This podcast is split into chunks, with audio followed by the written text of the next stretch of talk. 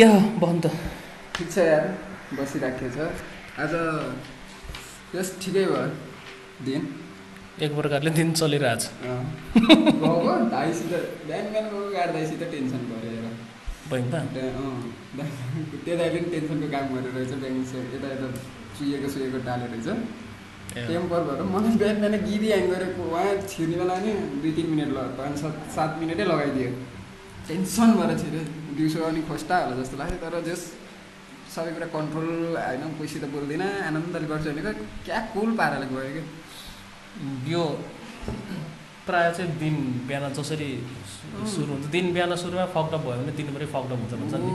तर कन्ट्रोल गर्न चाहिँ सकिन्छ। अँ होइन त्यो ठ्याक्क क्या तिम्रो त्यो आफूलाई चाहिँ कुल राखेर त्यो बढी यताउति नगर्ने हो त्यस्तो भने चाहिँ कुल हुँदो रहेछ।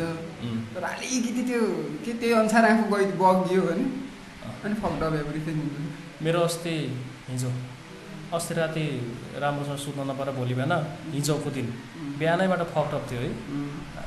टेन्सन थियो राम्रोसँग शरीर पुरै थाकेको लेथर्जिक थियो। तर जसो तसो दिन कट्यो ह्याप्पिली कट्यो। मलाई चाहिँ आजको दिन फकअपै होला जस्तो लाग्थ्यो तर ठिकै। आफूले जसरी कन्ट्रोल गर्न सकिन्छ कन्ट्रोल हुन्छ नि। धेरै कुरा छ। बिस्तारै अँ। एप्लाई गर्न गाह्रो कि जे कुराको नि भन्न जति सजिलो लाग्छ त्यही कुरा एप्लाई गर्न। त्यो त्यही हो। अरू अरूलाई सिकाउन सजिलो आफूले गर्नु चाहिँ गाह्रो।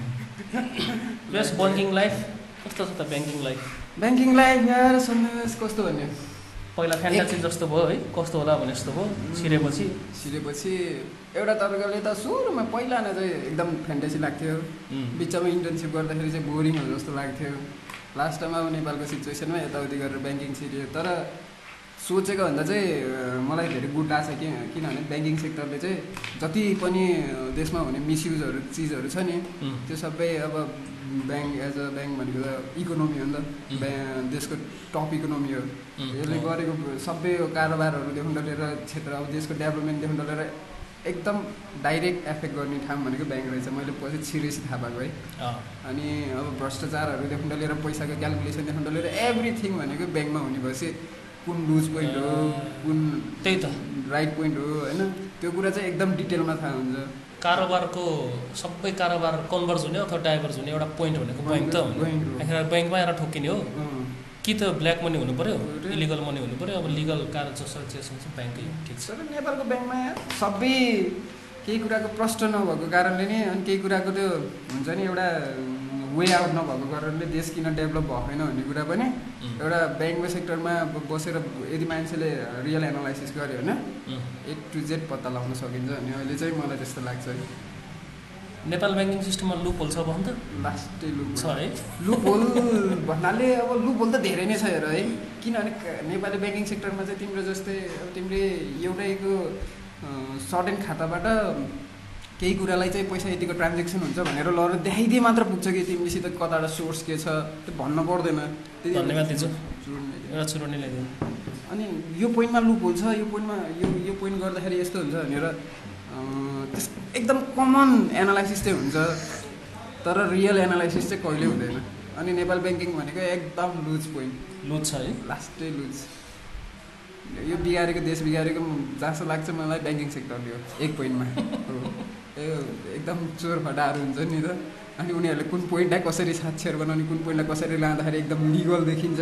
त्यो त्यो जस्तो खेलै त्यस्तै भइसक्यो। जस्तो तिमीलाई सजेस्ट गर्ने वे पनि यिनीहरू छ क्या जस्तै ब्ल्याक मनीलाई कसरी डाकछोप गर्न मिल्छ भन्नेदेखि लिएर कुन इन्कमलाई कसरी देखाइदिने कुन इन्कमलाई कसरी गरिदिने भन्दा त ओपन र वे आउट र वे इन देखाउने नै ब्याङ्किङ सेक्टर हो जस्तो लाग्छ। त्यो किनभने उनीहरूलाई थाहा हुन्छ त कुन पोइन्टमा एनालाइसिस हुन्छ कुन पोइन्टमा एनालाइसिस हुँदैन भन्ने कुरो। नेपाली अस्ति म भर्खर मात्र के एउटा कुरा के आएको थियो भने नेपाली सेक्टरमा वुमेनलाई चाहिँ एकदम फ्रिडम होइन यो एकदम प्रोग्रेस गर्ने हिसाबले चाहिँ नेपाली वुमेनहरूको लागि मात्र भनेर इन्डिकेट गरेर लोन दिने भन्ने कुरा आएको थियो होइन।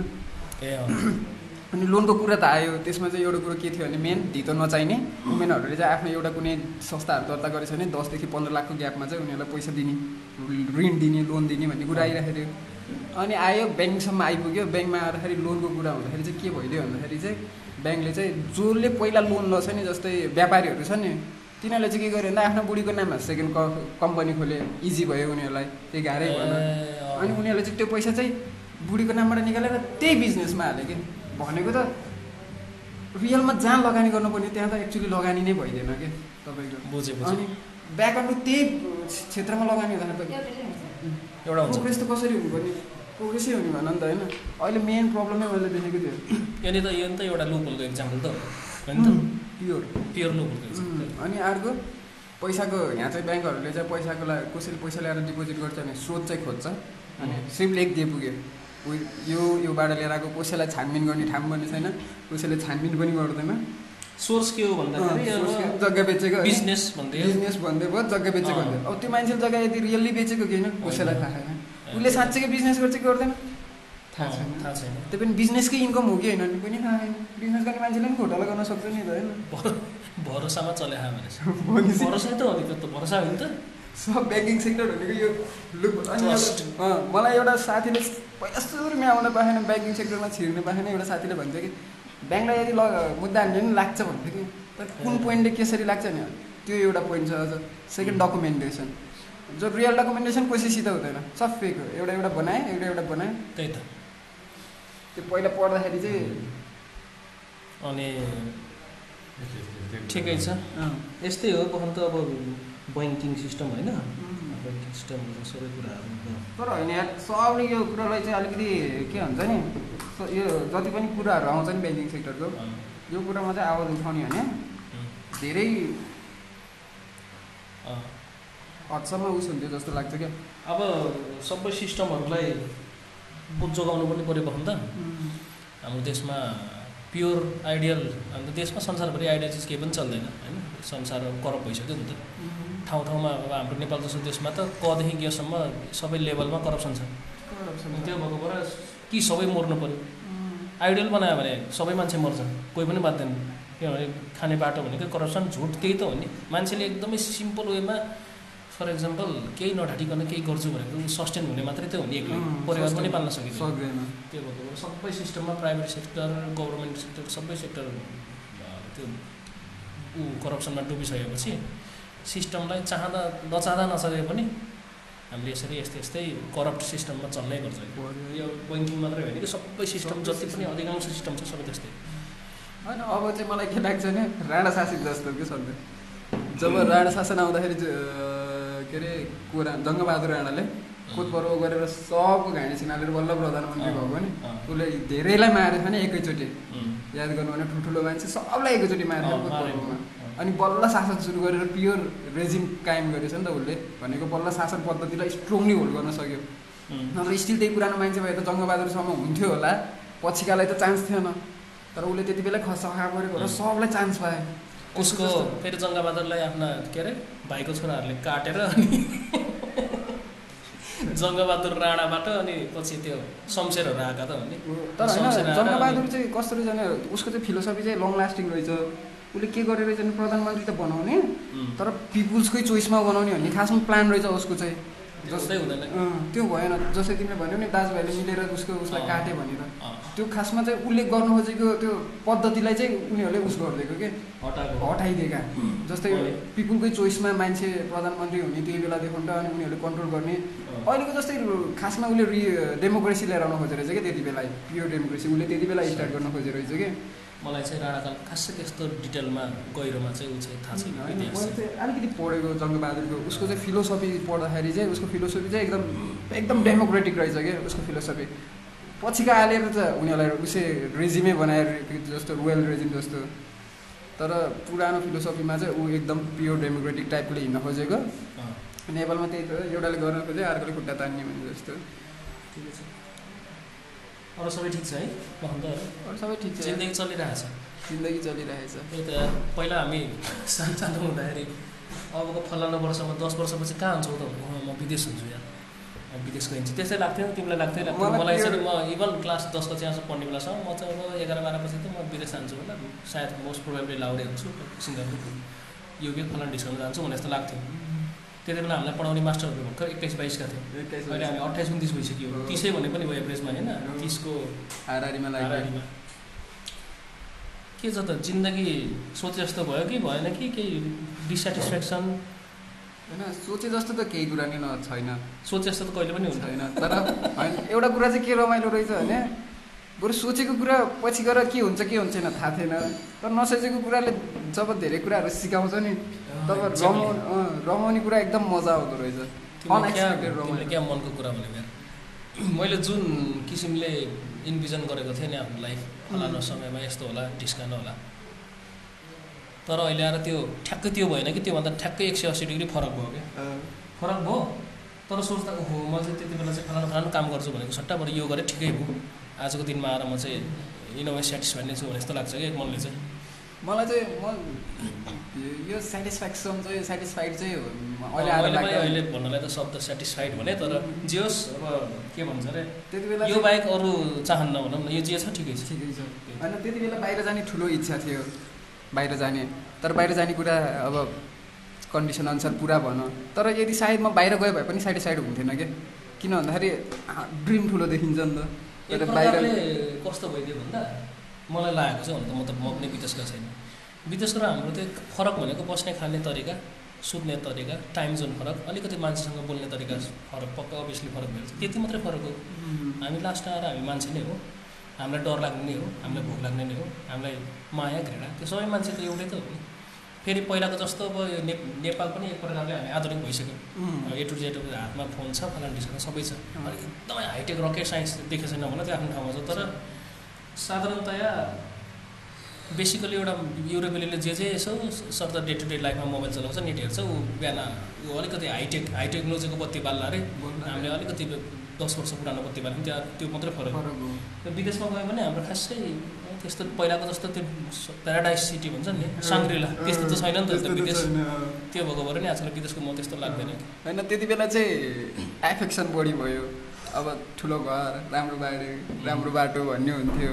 तर रियालिटीमा त अब त्यो जति राम्रो भयो नि घर उस नभयो नि आफ्नो भयो नि नभयो नि एक क्षणिक भोगाइ हो नि त त्यो भनेको त। सेटिस्फाइड हुनलाई त मनबाटै आउनु पऱ्यो तर त्यो पाए पनि अहिलेको सिचुएसन अनुसार है?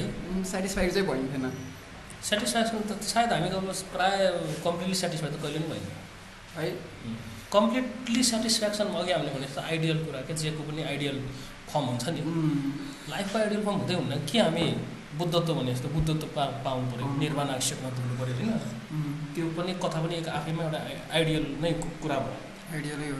हामी अब रियल वर्ल्डमा जन्मिसकेपछि रियल वर्ल्डसँग ठोकिने फलान ढिसानो भइसकेपछि चाहिँ कम्प्लिटली सेटिस्फाइड चाहिँ कहिले पनि भएन। र जे छ त्यसैमा खुसी हुन सक्नु पऱ्यो तर सबभन्दा ठुलो च्यालेन्ज नै त्यही अहिलेलाई त्यही छ। है? तर एउटा कुरा चाहिँ के लाग्छ भन्दा हो अब बिस्तारै बुझिने भइएछ।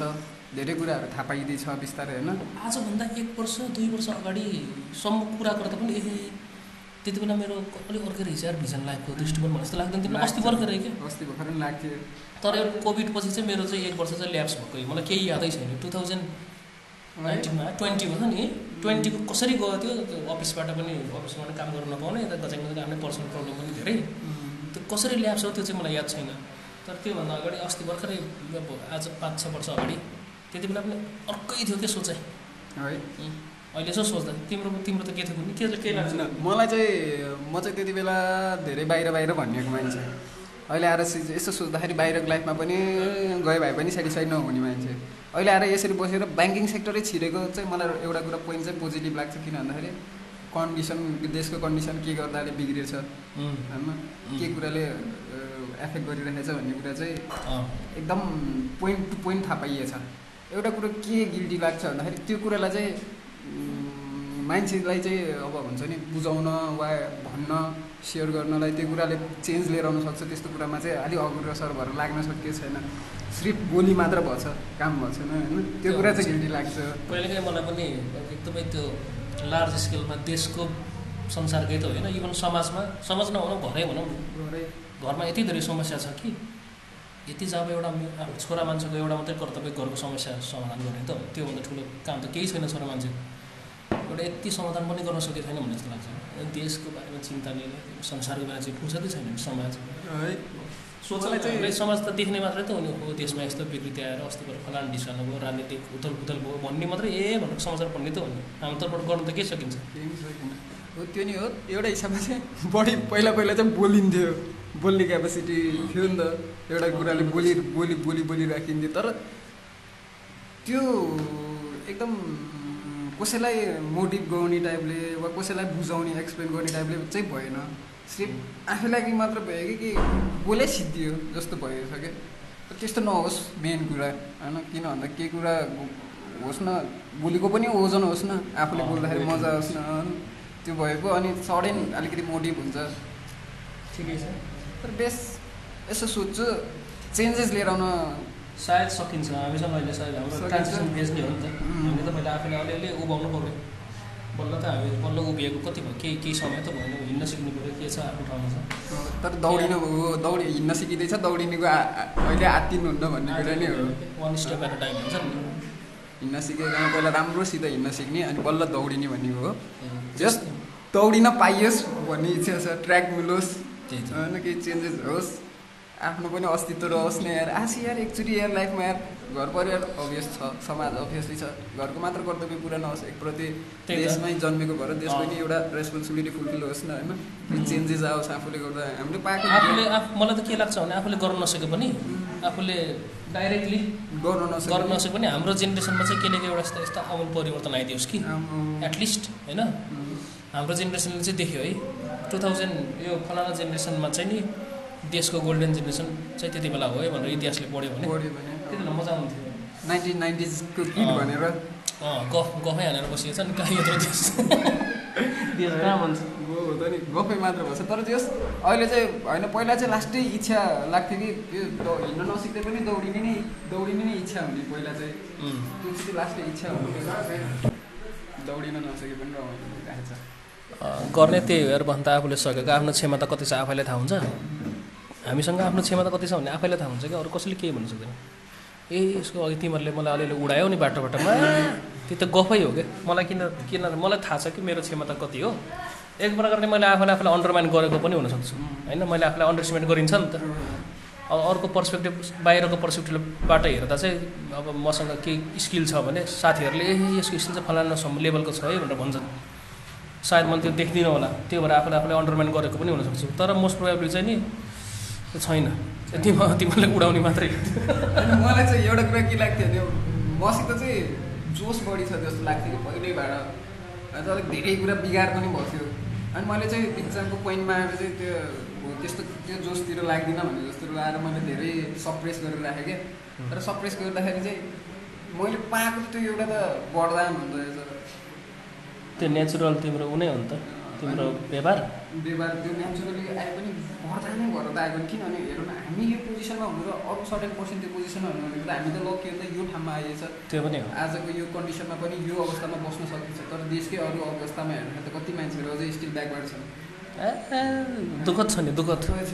तर पाएको एउटा गुण हुन्छ नि गुण भन्छ नि त्यो। एउटा वरदान। वरदान। त्यो वरदान चाहिँ ल लास्टको लाइफको लास्ट अन्तिम फेजमा चाहिँ मर्दाखेरि चाहिँ उस नलागोस् कि कि खेरा गएछ खेर गयो भने जस्तो नहोस् है। गएको चाहिँ नभन्नु भन्ने चाहिँ नहोस् कि। मलाई नि ठ्याक्कै यस्तै फिलिङ हुन्थ्यो यार भन त? पहिला के? आफूसँग मसँग फलानु स्किल छ मैले चाहिँ स्किलले चाहिँ केही न केही गर्नुपर्छ यार भने जस्तो लाग्थ्यो। तर बिच पोइन्टमा लाइफको बिच पोइन्टमा गएर मैले अलिकति यो कुरा काटेर भने बिच पोइन्टमा मलाई के लाग्यो भन्दाखेरि जे छ चलिरहेछ। कि किन अरूको चिन्ता गर्ने? मसँग जे छ त्यो त्यसले आयो भने आयो आएन भने आएन मैले गर्न सक्यो भने गर्न सकेँ सकिनँ भने सकिनँ एउटा कुरा चाहिँ. यदि हामी हाइटको टपमा जानु छ भने फेदमा पहिला पुग्नुपर्छ बेसमा पुग्नुपर्छ भन्ने कुरा हुन्छ होइन. बेस चिनेको हाइटको टपको प्रायोरिटी चिनिन्छ त होइन त्यस्तै. जस्तो तिमीलाई लाग्थ्यो नि कुनै पोइन्टमा तिमी एकदम गर्न सक्छौ जोस जाँगर थियो जस्तो अहिले- तल डाउन भइरहेको छौ नि होइन. तर यो कुरा नै एउटा कुरा मान्छेलाई चाहिँ त्यो टपमा पुग्दाखेरि हरेक कुराको जस्तै एभरेज चल्नलाई अक्सिजन चाहिन्छ रोगहरू चाहिन्छ होइन स्टेरोइडहरू चाहिन्छ नि त. यदि हामी जोसमा मात्र गइदियो भाइ कति कुराहरू मिस गर्न सकिन्थ्यो होला लाइफ त्यहीँ गएर बिचमा अड्केर फेरि होइन. वा डेथ हुन सक्थ्यो होला तर त्यो फेदमा पुगेर सबै कुराको बुझिसकेपछि चाहिँ माथि चढ्दाखेरि चाहिँ अब यो ठाउँमा यो चाहिन्छ है अब यो ठाउँमा जाँदाखेरि एकदम के. एज अ प्लानको रूपमा हुनसक्छ होला भने जस्तो पनि लाग्छ। यो यो यो पर्सपेक्टिभ पनि नट ब्याड. यसरी हेर्दा पनि मिल्छ अहिले चाहिँ त्यस्तो लाग्छ। तर लकडाउनमा त्यस्तै भइदियोस् कि ठिक छ एक प्रकारले तिमी चाहिँ नि सही बाटोमा रहेछौ भन्ने पनि मलाई रियलाइज भइरह भइरहेको छ ठिक छ। तर यो कुरा फेरि कस्तो भने भन्न जति सजिलो छ गर्न उत्तिकै। भन्न त भन्न बोल्न जस्तो सजिलो संसारमा केही छैन यार भन्न। यो गफ हान्न जस्तो सजिलो है केही छैन तर रियल रियालिटीमा रियालिटी फेस गर्नु भने reality is a different shit reality भनेको फरक छ बोल्न त धेरै सजिलो छ। डिफ्रेन्स हुन्छ धेरै भास्ट डिफ्रेन्स रहेछ। किन अब बोल्न यत्तिकै आफूले पाएको यत्तिकै नलेजलाई विदाउट एक्सपेरिमेन्ट यो हुन्छ यो हुन्छ। ठ्याक्क बोल्दै भयो। बोल्दै गर्नेलाई चाहिँ यो हरेक पोइन्टको गर्दा के हुन्छ के कुरा आउँछ केसँग ठोकिनुपर्छ त्यो त सबै त्यो भोगेर मात्रै थाहा हुन्छ। भोग्न धेरै बाँकी छ है। नपकाउनु नपत्याउने खुलाले बगाउँछ भने जस्तै सानसानो कुराहरू जसलाई चाहिँ एकदम कमनली लिन्छ तर त्यस्तो कुराले चाहिँ लाइफमा एफेक्ट गर् एफेक्ट गर्छ जस्तो लाग्छ। गुड हो यतिको कुरा सिक्नु होइन लाइफमा सिक्नु नै मजा हो जिन्दगीले समयले सिकाउँछ अब यस्तै छ बखन त जिन्दगी होइन चल्ने चलिरहेको छ जिन्दगी बग्छ खोला जस्तै बगिरहने हो दिन रात रात दिन भन्न केही बेर लाग्दैन बाह्र घन्टामा होइन चौबिस घन्टा कतिमा चौबिस अँ, घन्टा जे होस् जे होस् दिन रात रात दिन भन्न केही बेर लाग्दैन यस्तै छ जिन्दगी। नयाँ नौलो जिन्दगीमा के छ त भन्नु त? परिवर्तन के छ अब? परिवर्तन चाहिँ खासै ठुलो परिवर्तन त केही छैन। पहिलाको भोगाइ र यो इन्कम लाइफ र नन इन्कम लाइफको डिफ्रेन्स चाहिँ फिल भइरहेछ। मलाई चाहिँ के लाग्यो भन्दा पैसा नहुँदा चाहिँ जिम्मेवारी देखिन्न रहेछ। किनभने आफूसँग खन्त्या पैसै छैन। पैसा नभएपछि अब के गर्ने त मतलबै नहुने क्या। प्रायः चार पाँचवटा समाधान आयो भने एउटादेखि नै चारवटा नदेखिने। अनि कसैले पनि ऊ पनि नगर्ने। एक्सपेक्ट पनि गर्दैनन् सोच्दा पनि सोध्दैनन् त्यो हुँदो रहेछ। तर यो द्रव्य कमाउनु थालेपछि चाहिँ नि धेरैजनाको आश धेरैजनाको मेरुदण्ड भएर बाँच्नु पर्ने। एक्सपेक्टेसन अरूको एक्सपेक्टेसन भएर एकदम गाह्रो हुँदो रहेछ। यो पैसा आएपछि रेस्पोन्सिबिलिटी पावर आएपछि रेस्पोन्सिबिलिटी बढ्छ जस्तै। कमाउनु थालेपछि चाहिँ नि घरको समस्या धेरै देखिन्छ। पहिला चाहिँ प्यारेन्ट्सहरूले कमाउँदाखेरि चाहिँ आफू फ्रिली हिँड्दाखेरि केही कुरा मतलब नगर्दाखेरिबाट अस्ति भर्खरै नि क्याम्पस पढ्ने बेलासम्म। अहिले आफूले कमाएर आफू प्यारेन्ट्स भयो जसरी हिँड्नु घरको समस्या अलिअलि चलाउनु पर्दा। त्यो अलिअलि रियलाइज हुन्छ। बा आमा अब बल्ल बिस्तारै बिस्तारै बा आमाको स्ट्रगल बल्ल बुझ्दै त जाने हुने धेरै चाहिँ उनीहरूले बुढाबुढीले गरेकै हो। गरेकै हुन्। ठुलो अब आफ्नो बच्चा बच्ची भयो भने झन् थाहा झन् अझ भिभिड थाहा हुन्छ। बाँकी छ। ठिकै छ। सिकाओस् सिकियोस्। नेगेटिभ कसैको लागि नगरियोस् होइन? कसैको ऋण लिएर जानु नपरोस् भन्ने कुरा मेन कसैको लाइक कसैलाई नेगेटिभ नबनाइ नपरोस्। एज अ मोटिभर बस्न पाइयोस्।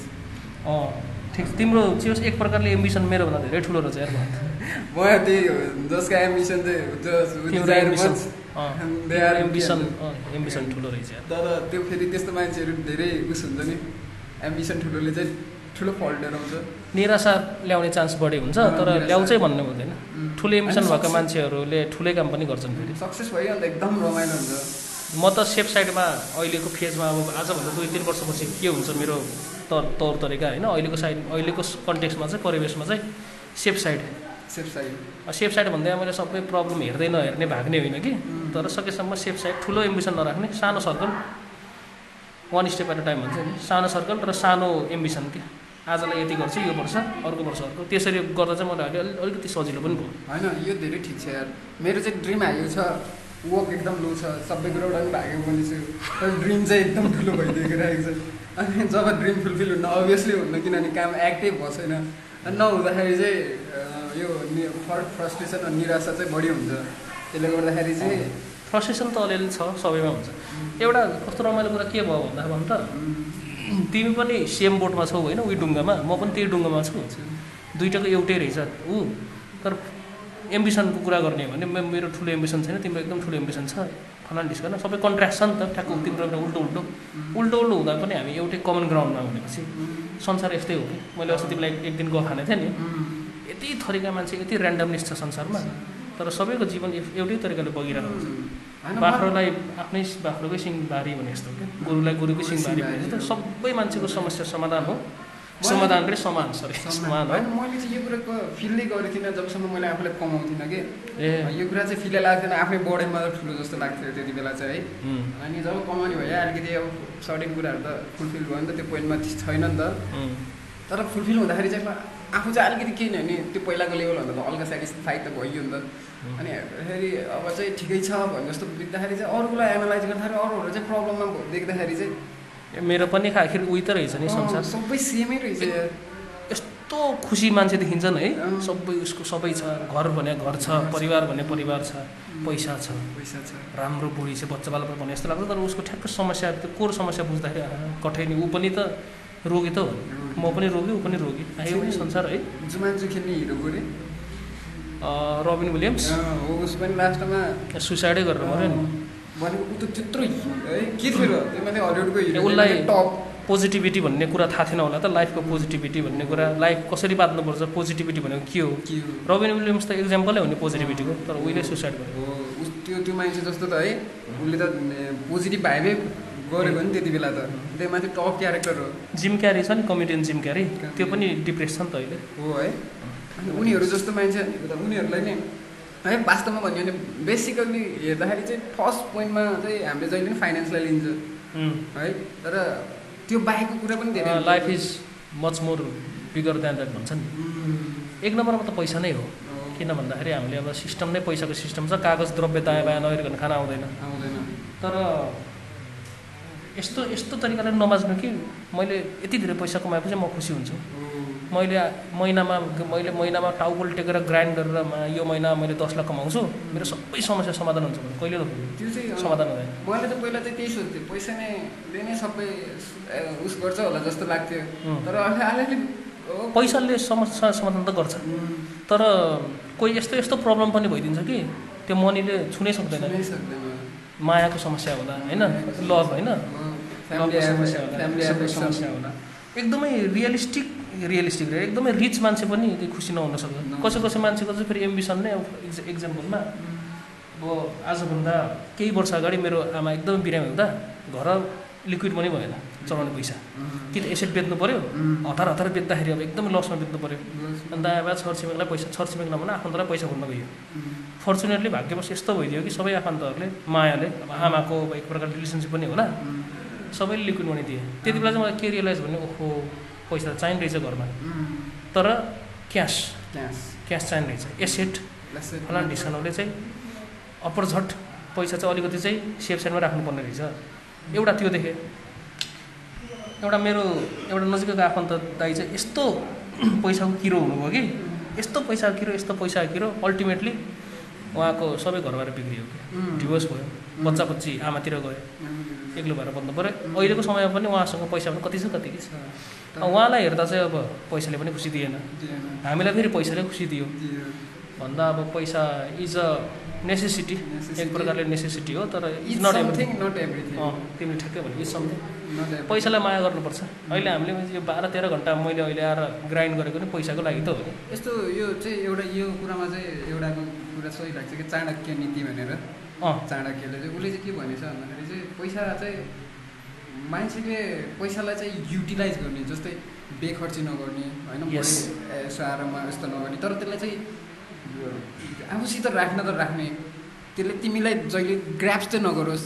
तर यस्तो गरोस् कि तिम्रो कुराहरू चाहिँ पछि आएर चाहिँ फुलफिल त होस् तर एफेक्ट कसैलाई नगरोस् होइन? तर पैसाको लागि नै मात्र भनेर नै अरूतिर चाहिँ पैसा पैसा पापी हुन्छ नि त भन् त। पैसा पापी हुन्छ कि पैसाको लोभमा लागेको मान्छेले राम्रो कुरा केही पनि देख्दैन. आफन्त देख्दैन। है इभन आफ्नो स्वास्थ्य पनि देख्दैन कि स्वास्थ्य मारे मारे पैसा कमाउँछ नि मान्छेहरू। आफू मरेर लानु के छ र चाहिँ पैसा? है पैसाले के दिनु मेरो एकजना साथीले चाहिँ के भन्थ्यो भन्दा म चन्न पैसा कमाएर विदेश जाने हो। मैले मैले आफैले इक्जाम्पल दिएँ उम्, होइन मेरो त बुवा आमा अलिकति वृद्ध भइसक्यो बुवा आमालाई छोडेर कसरी विदेश जानु भन्दा चाहिँ उसले के भन्थ्यो भन्दा पैसा कमाएपछि त्यो केयर टेकर त पाइहाल्छ नि। हुनु पनि हो। एक एक प्रकारले हेर न त। खानासाना पकाएर खुवाइदिने। बेलामा औषधि खुवाइदिने नुहाइ धुवाइ गरिदिने कपडा धोइदिने। त्यो पनि केयर टेकिङ नै त हो नि। पैसाले किन्यो नि त केयर टेकिङ केयर तर। पैसाले किन्न नसक्यो भनेको छोराको छोराको माया। युज डिफ्रेन्स छ नि त्यो। अनि म त्यति बेला चाहिँ त्यस्तो भनेर कहाँ हुन्छ यार भनेर प्याच भनेर। मै भएँ। अँ, अब एक मनले सोच्दा पनि अब अहिलेको बिजी लाइफ मोडर्न लाइफमा त्यो पनि अब होला। ठिकै होला। है। अब अर्को तरिकाले कुरा गर्दा त्यो भेटेको तर है त्यसो भन्थ्यो कि छोडेर पैसाको लागि भाग्दाखेरि चाहिँ धेरै धेरै कुरा मिस हुन्छ। हो धेरै कुरा मिस हुँदो रहेछ कि अनि त्यो मिस भएको कुरालाई चाहिँ पछि आफूले डिजायर गरेर ल एउटा लेभलमा फुलफिल होस् न होइन तर त्यो आफूले जुन लेभलमा फिल गरेको थियो त्यो लेभलको त्यो लेभलको त्यो चिज चाहिँ देख्न नपाइने क्या जस्तै एउटा फुल सानोमा देखेर आफूले त्यही फुल रोप्न मन लाग्छ भने अलिकति केही समयपछि आएपछि त त्यो त ठुलो हुन्छ। ब्याकग्राउन्ड त त्यही सानोमा त हेर्न सकिन्न। सकिँदैन। मिस हुन्छ। अब मिस हुन्छ। भने नि। लाइफ स्किप हुन्छ क्या भन्न त. लाइफको अब हुनलाई त सबैको लागि आफ्नो आफ्नो हुन्छ। तर भन्दाखेरि एउटा युथको एउटा फेज हामीले पार गर्नै पर्छ। त्यति बेला वाइल्ड लाइफ वाइल्ड युथ हुन्छ नि। सबै कुरा टेस्ट गर्ने सबै कुरा भोग्ने। सेफ सेफ लाइनबाट बाहिर जाने इन्सानिटीको संसारमा वाइल्ड भएर हिँड्ने त्यो एउटा युथको एउटा त्यो हामीले के भन्छ अरे छोड्नै नसकिने पार्ट हो नि त। त्यो पार्ट हाम्रो मिस भयो कि। अहिले आएर यो जस्तै अब मैले अहिलेको आफ्नो काम गर्ने अफिस जोइन गरेपछि थ्री इयर्स जस्तो चाहिँ मेरो कम्प्लिट ग्राइन्ड नै हो तिमीहरूले पनि ख्याल गऱ्यो होला भेट हाम्रो भेटघाट पनि खासै राम्रोसँग भएन। म अँध्यारामा अफिस जान्थेँ अँध्यारामा घर फर्किन्थेँ। यतिसम्म हुन्थ्यो कि घरको छेउमा छिमेकीको घर बनिसकेर रहेछ नयाँ। त्यो पनि थाहा नभएको म एक दिन एक साढे एक वर्षपछि एक दिन बिदा बस्दा त्यो पनि दसैँको दिन बिदा बस्दा मैले छेउमा घर देखेको कि झसङ्ग भएको भने चाहिँ राति जाने राति आउने होइन? थाहै छैन। अब त्यति बेला एक प्रकारले मैले धेरै कुरा मिस गरेँ कि थ्री इयर्समै त्यो त्यति सानो तिन वर्ष मात्रै धेरै कुरा मिस भयो कि धेरै कुरा मिस भयो। मेरो आफ्नै दाईको बिहा मिस भयो एउटा इक्जाम्पल मात्रै। त्यो त सिम्पल इक्जाम्पल भयो अहिले फर्केर सम्झेर हेर्दा ए तेरो हिमाल दाईको बिहामा को के कस्तो भयो? कसले प्याच त मलाई थाहै छैन। अब बिहामै गर्छ नि त कसले त्यो भनेको त सानसानो मोमेन्ट हो नि त लाइफको. सानसानो मोमेन्ट मोमेन्ट मिस हुन्छ। मैले चाहिँ यो सानोमा धेरै गर्छ। कि त्यो घरको फ्यामिलीको प्रब्लमले गर्दाखेरि धेरै कुरालाई चाहिँ त्यो फिलै गर्न नखोज्ने कि इजिली आएको चिज पनि है। जब म पैसा कमाउँछु म अलिकति पोजिसनमा पुग्छु होइन अलिकति केही हुन्छ। फिल गर्छु। भने एकदम हुन्थ्यो। जब अहिले आएर त्यो कुराहरूलाई बिस्तारै रियलाइज गरेर आएर बिस्तारै त्यो पोइन्टमा आउँदाखेरि चाहिँ त्यो कुराहरू सबै कुराहरू त्यो के गइसकेको हुन्छ कि फेड अवे भइसकेको हुन्छ कि? एउटा कुरा तिमीले ख्याल गरेकै गरेनौ तिमीले यसो आँखा चिम गरेर कहिले यसो सोच्दा पहिलाको कुरा सोच्दा यो अफिसको काम दुःख केही पनि सम्झिन्नौ. सानो सानो साथीभाइसँग रमाइलो गरेको इन्जोय गरेको गरेको। त्यस्तो त्यस्तो मात्र याद आउँछ कि? मनले चाहने चिज भनेको त्यस्तै मात्रै हो कि भयो तर दुर्भाग्यवश अनफर्चुनेटली काम गर्नै पर्छ होइन। हामीले अस्ति के आएर थिएन भने आजसम्म कुरा गर्दा त्यो भास्कर स्कुलमा हामी नौ दस कक्षा पढेको त्यो रमाइलो कुरा मात्रै याद आउँछ। है दस बिस वर्षपछि हामी साथीभाइ भेट भयो भने कुरा त्यहीँ आउँछ। त्यस्तो त्यस्तो मोमेन्ट चाहिँ मिस नहोस् भन्ने मात्रै हो। त्यस्तो पललाई चाहिँ त्यति बेला आफूले वर्क र मिलाउनु पर्छ यार तर मैले नि भन्ने मात्रै हो। मैले पनि गफै हाने जस्तो मैले पनि आफ्नो लाइफ र वर्क मिलाउन सकेँ छैन यार। होइन यो त न त पर्फेक्ट भएको थियो होला है. अहिले चाहिँ मिलाउनु नसकेर त्यो धेरै कुरा सिकिँदैछ भन्ने कुरो लाग्छ। अहिले चाहिँ मलाई चाहिँ त्यही लाग्छ। पहिला चाहिँ आफूले आफूलाई चाहिँ दुई तिन दुईवटा किताब पढेर यताउति गरेर चाहिँ मैले ए धेरै कुरा जानेछु जस्तो फिल आउँथ्यो होइन? यो म चाहिँ सरी यो यो किताब पढेर भयो नि त यस्तो इलुजन बनाइन्छ यो किताबले तिमीलाई लाग्छ तिमीलाई यो भयो। सबभन्दा मेन इक्जाम्पल म हो। अझ स्पेसली तिमीलाई लाग्छ लाग्दैन? तिमीले काल्पनिक कथाहरू नोभेल सोभेल पढ्यो भने त. यति एप्लाई गरेर जस्ट फर फन हुन्छ। अटोबायोग्राफी पढ पढ्न लागियो भने. त्यसले जस्तो दिमाग चाहिँ नि ट्विस्ट कसैले गर्दैन। धेरै मान्छेलाई फेरि अटोग्राफी बायोग्राफी मनपर्छ। इन्सपायर हुन मन लाग्छ नि त. उसको जिन्दगी अर्कै छ। ऊ कसरी हुर्केर आयो कस्तो परिवेशमा हुर्कियो उसले आफ्नो कथा लेख्यो अब ओहो विनोद चौधरी म पनि म विनोद चौधरी हुन्छु। भन्न त एम्बिसन त आउँछ नि त। तर धेरै गाह्रो हुन्छ क्या। आफ्नै। कथा आफ्नै बाटो रोज्नुपर्छ क्या। बायोग्राफीमा एउटा दिनको दुई सेकेन्ड के अरे दुई मिनट वा दुई सेकेन्डको लागि एक्सप्लेन गरेको हुन्छ। तर त्यहाँ त चौबिस घन्टा साठी मिनट के उसले आफ्नो जिन्दगीको त एक पर्सेन्ट मात्रै क- किताबमा लेख्ने हो नि त किताबमा लेख्नु सक्दैन रियल फिलिङ गरेर जस्ट फर फन पढ्नु मैले मेरो साथीलाई के भन्दा अटोबायोग्राफी जस्ट फर फन के रमाइलोको लागि। केही न केही एउटा दुइटा पोइन्ट त एप्लाई गर्न एप्लाई सकिन्छ गर्न सकिन्छ। तर किताब पढेर म इन्सपायर हुन्छ भने गफै जस्तो भन्नु त भन्छ त्यहाँ। त्यो किताब पढेर म क्या इन्सपायर भएँ म चाहिँ मैले त्यो किताब पढेर त्यो गफ हो भन्छ त्यो कसैले कसैलाई इन्सपायर गरेर आफैले आफ्नो हिजो र आफ्नो ऐना हेरेर मात्रै इन्सपायर हुने हो। यो कुरा चाहिँ मैले धेरै पटक रियलाइज पनि गरिसकेँ मैले पढेँ नि धेरैको अटोबायोग्राफी बायोग्राफी पढेँ। धेरै मान्छेको दुःखसँग रिलेट पनि भयो। ए त मै हो यार यो यो का- यो यो मान्छे मै रहेछु जस्तो लाग्छ। लाग्ने मात्रै हो एक एक हप्तापछि बिर्सिन्छ। बिर्सिन्छ। अनि यो धेरै कुराहरू त्यही भएर आफूले सानो कुरालाई आफूले कसरी होइन केही कुराले कसरी म अगाडि बढिरहेको छु मलाई चाहिँ अहिले के लाग्छ भन्दा त्यो किताब सिताबबाट पढेर भन्दा नि आफूले आफूले रियलाइज गरेर मेरो खुबी के छ होइन? हुन्छ नि जस्तै आफूमा एङ्गर गरेपछि त बढी गर्ने छ कि कसैलाई नेगेटिभ गरेर गर्छु कि छ। जेलोसी हुन्छ अनि लस्ट हुन्छ। लस्ट त्यसले यो कुरालाई चाहिँ यस्तो यस्तो कुराले एफेक्ट गरिरहेको हुँदो रहेछ कि जिन्दगीमा होइन?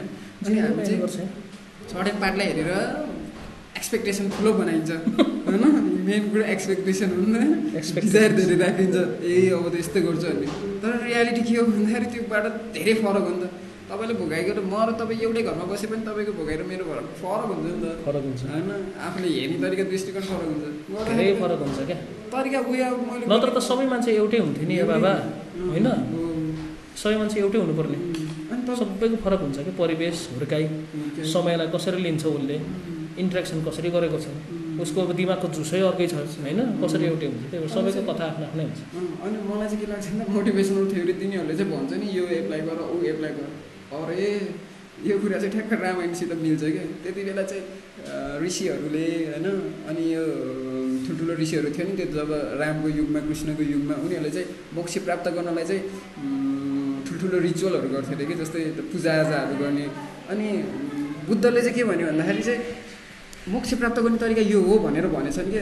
अनि हामीले चाहिँ त्यो वेबाट किन गर्दैन त नि? त्यो वेबाट तिमीले मोक्ष प्राप्त गर्नलाई त्यस्तै लिभिङ स्ट्यान्डर्ड बनाउनु पऱ्यो नि त। होइन? ऋषि जसरी बाँच्नु पऱ्यो कुनै धन सम्पत्तिको आश नगरिकन एकदम सिम्पल लाइफ बिताएर रिचुअलहरू गरेर होइन? त्यही अनुसारको जानु पऱ्यो नि त। अनि बल्ल पो तिमीले त्यो अनुसारको ज्ञान पाउन सक्छौ। उसले त आफ्नो भोगाइ लेखेका हुने नि त ऋषिहरूले त। थोरै अरूको त लेखेको छैन। तर तिम्रो लाइफ त उनीहरूको भन्दा त धेरै फरक छ। त्यस्तै जस्तो ऊ पर्सनले त्यही केही कुराले इन्सपायर भएर मोटिभ भएर ऊ अनुसारले हिँड्यो होला। तर त्यो कुराले त तिमीलाई एफेक्ट गर्छ नि त छैन नि त। एउटा दुइटा पोइन्टले एफेक्ट गर्ला होइन? तर सब धेरै धेरै धेरै कुरा डिस्कार्ड हुँदो रहेछ कि म के हो मेरो के छ? भन्ने जस्तो आफूको भन्ने त आफूलाई मात्रै। हो त्यो गौतम बुद्धले चाहिँ त्यो त्यही भन्दा आत्म पहिला आफूलाई चिन अथवा पहिला आफूले खाऊ अनि अरूलाई खुवाऊ भन्छ नि? बुद्ध हाम्रो बुद्धिस्टहरूले अब पहिला आफू आफू भोकाउनु भोक नबस् भोकै भोकै नबस् आफू सन्तुष्ट भयो अनि अरूलाई भन्दा अरूको हेर अरूको दुःख हेर। यो यसमा एउटा इक्जाम्पल आयो कि एउटा स्टोरी पढेको थिएँ।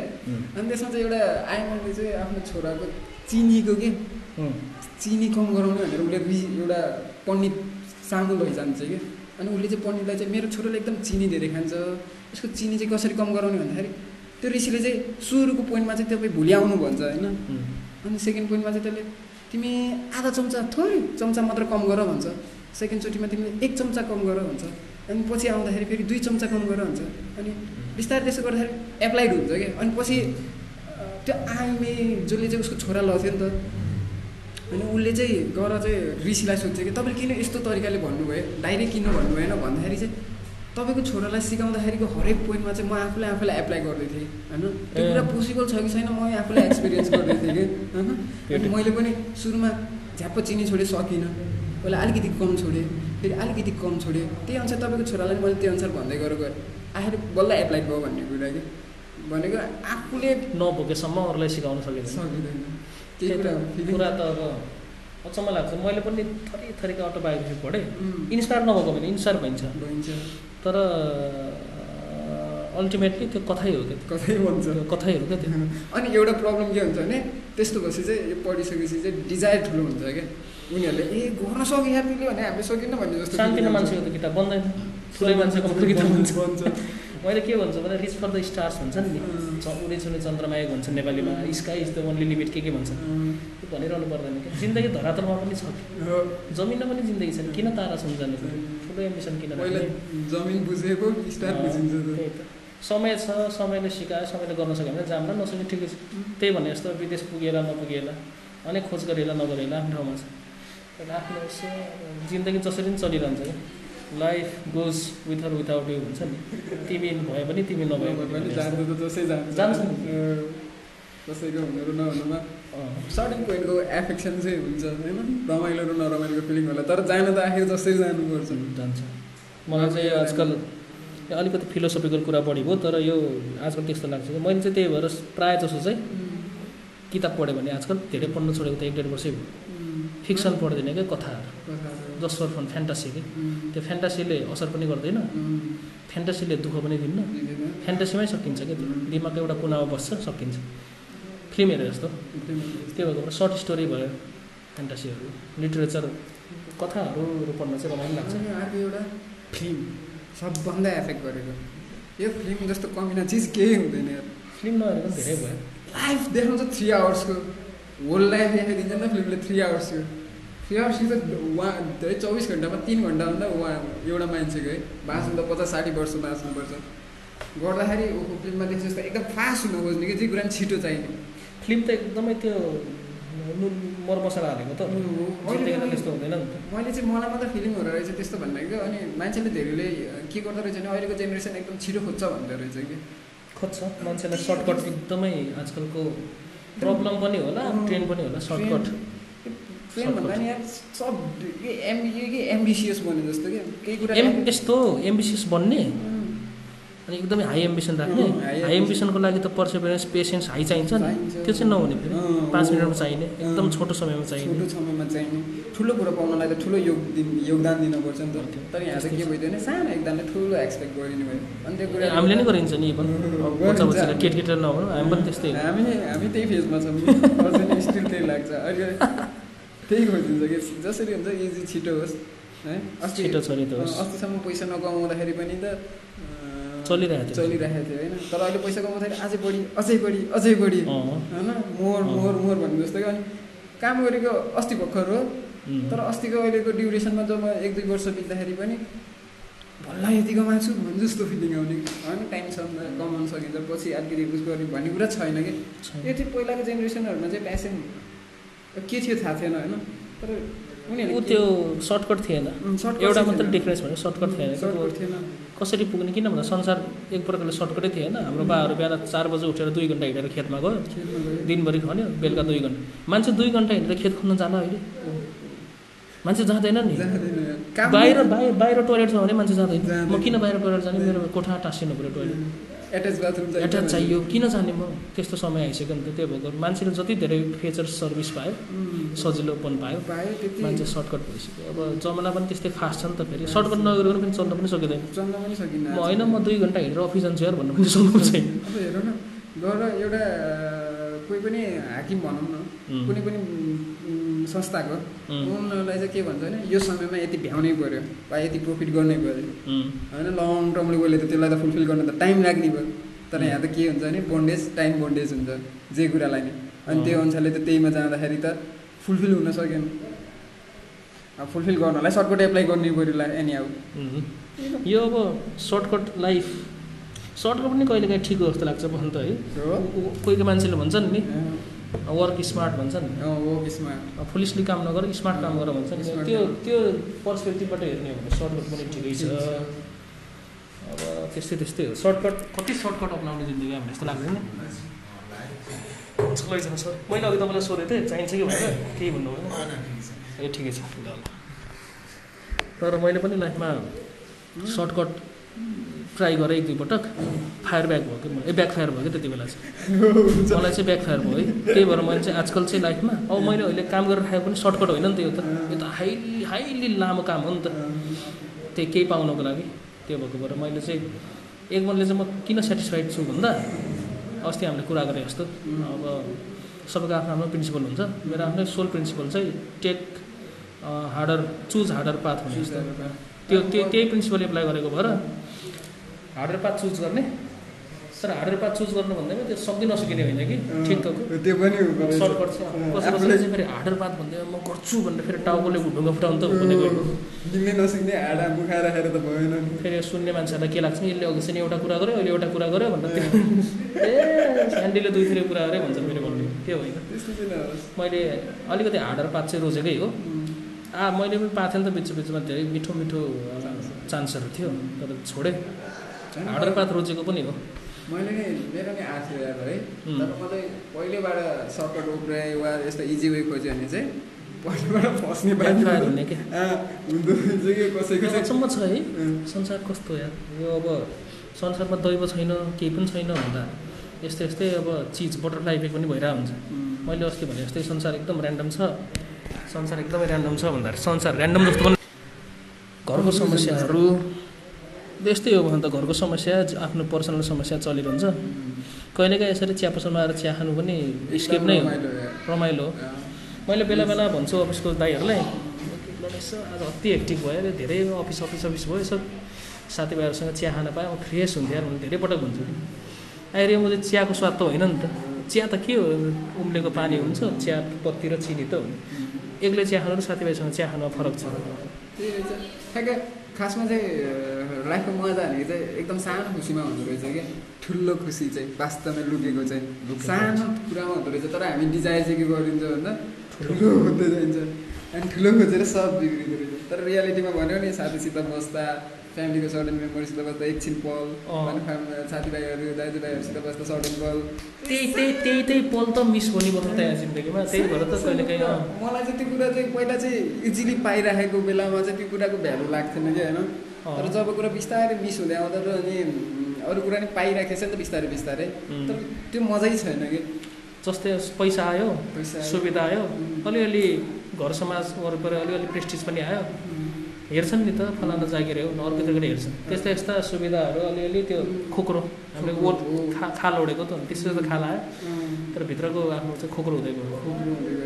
त्यो छैन आजकल अब पहिला चाहिँ होइन त्यही उसमा हिँड्दाखेरि चाहिँ सानसानो कुराहरूलाई उनीहरूले यो यस्तो यस्तो उस्तो भन्छन् भने अहिलेको दृष्टिकोण चेन्ज हुन्छ जस एउटा मेन बुझिएको चाहिँ यो रियालिटी रहेछ भन्ने थाहा भयो जस्ट लेट नहुँदै भन्ने कुरा होइन? अब अब आउने पल्ला चाहिँ मिस नहोस् सानो सानो कुरामा नै रमाउनु सिक्नुपर्छ। रमाउनु सिक्नुपर्छ होइन? रमाइलो सानो कुरामै हुन्छ। रमाइलो सानो कुरामा हुँदो रहेछ तर अरूको धेरै हेरेर डिजायर गरेर हो त्यो वेस्ट हुँदो कहिले पनि त्यो कहिले नगर्नु म- आफूभन्दा मुनिकोलाई हेरेर इन्सपायर हुनु भन्छ नि कसैले। त्यो पनि हो। तर कहिलेकाहीँ आफूभन्दा मुनिकोलाई हेरेर निरुत्साहित पनि भइन्छ। ओहो यस्तो पनि हुने रहेछ। कहिलेकाहीँ आफूभन्दा माथिकोलाई हेरेर एकदमै दुःख दुःख पनि लाग्छ। मसँग यो छैन त्योसँग त्यो छ। यस्तै हो। उसको पनि लाइफहरूको अघि हामीले भने जस्तै उसको पनि आफ्नै समस्या हुन्छ। हाम्रो पनि आफ्नै समस्या छ। समस्या नभएको जिन्दगी हुँदैन। भने दिन रात भइहाल्छ रात दिन भइहाल्छ। यस्तै हो। अहिले। यसरी आज यसरी मिठो कुरा गाडी गरियो। अब भोलि रात दिन हुँदाखेरि काम उही हो फेरि back to the same shit routine होइन सेम सिट डिफ्रेन्ट डे दिन मात्रै फरक हो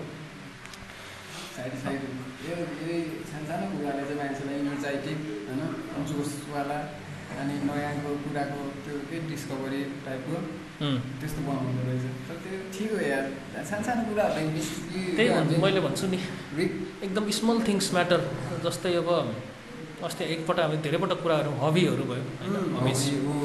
हबिजमा चाहिँ टाइम बिताउनु। तिम्रो हबिज के छ? के भनिदिन्छु? कुर्सी एउटा छ। बाहिर धेरै मान्छे आयो ठिकै छ।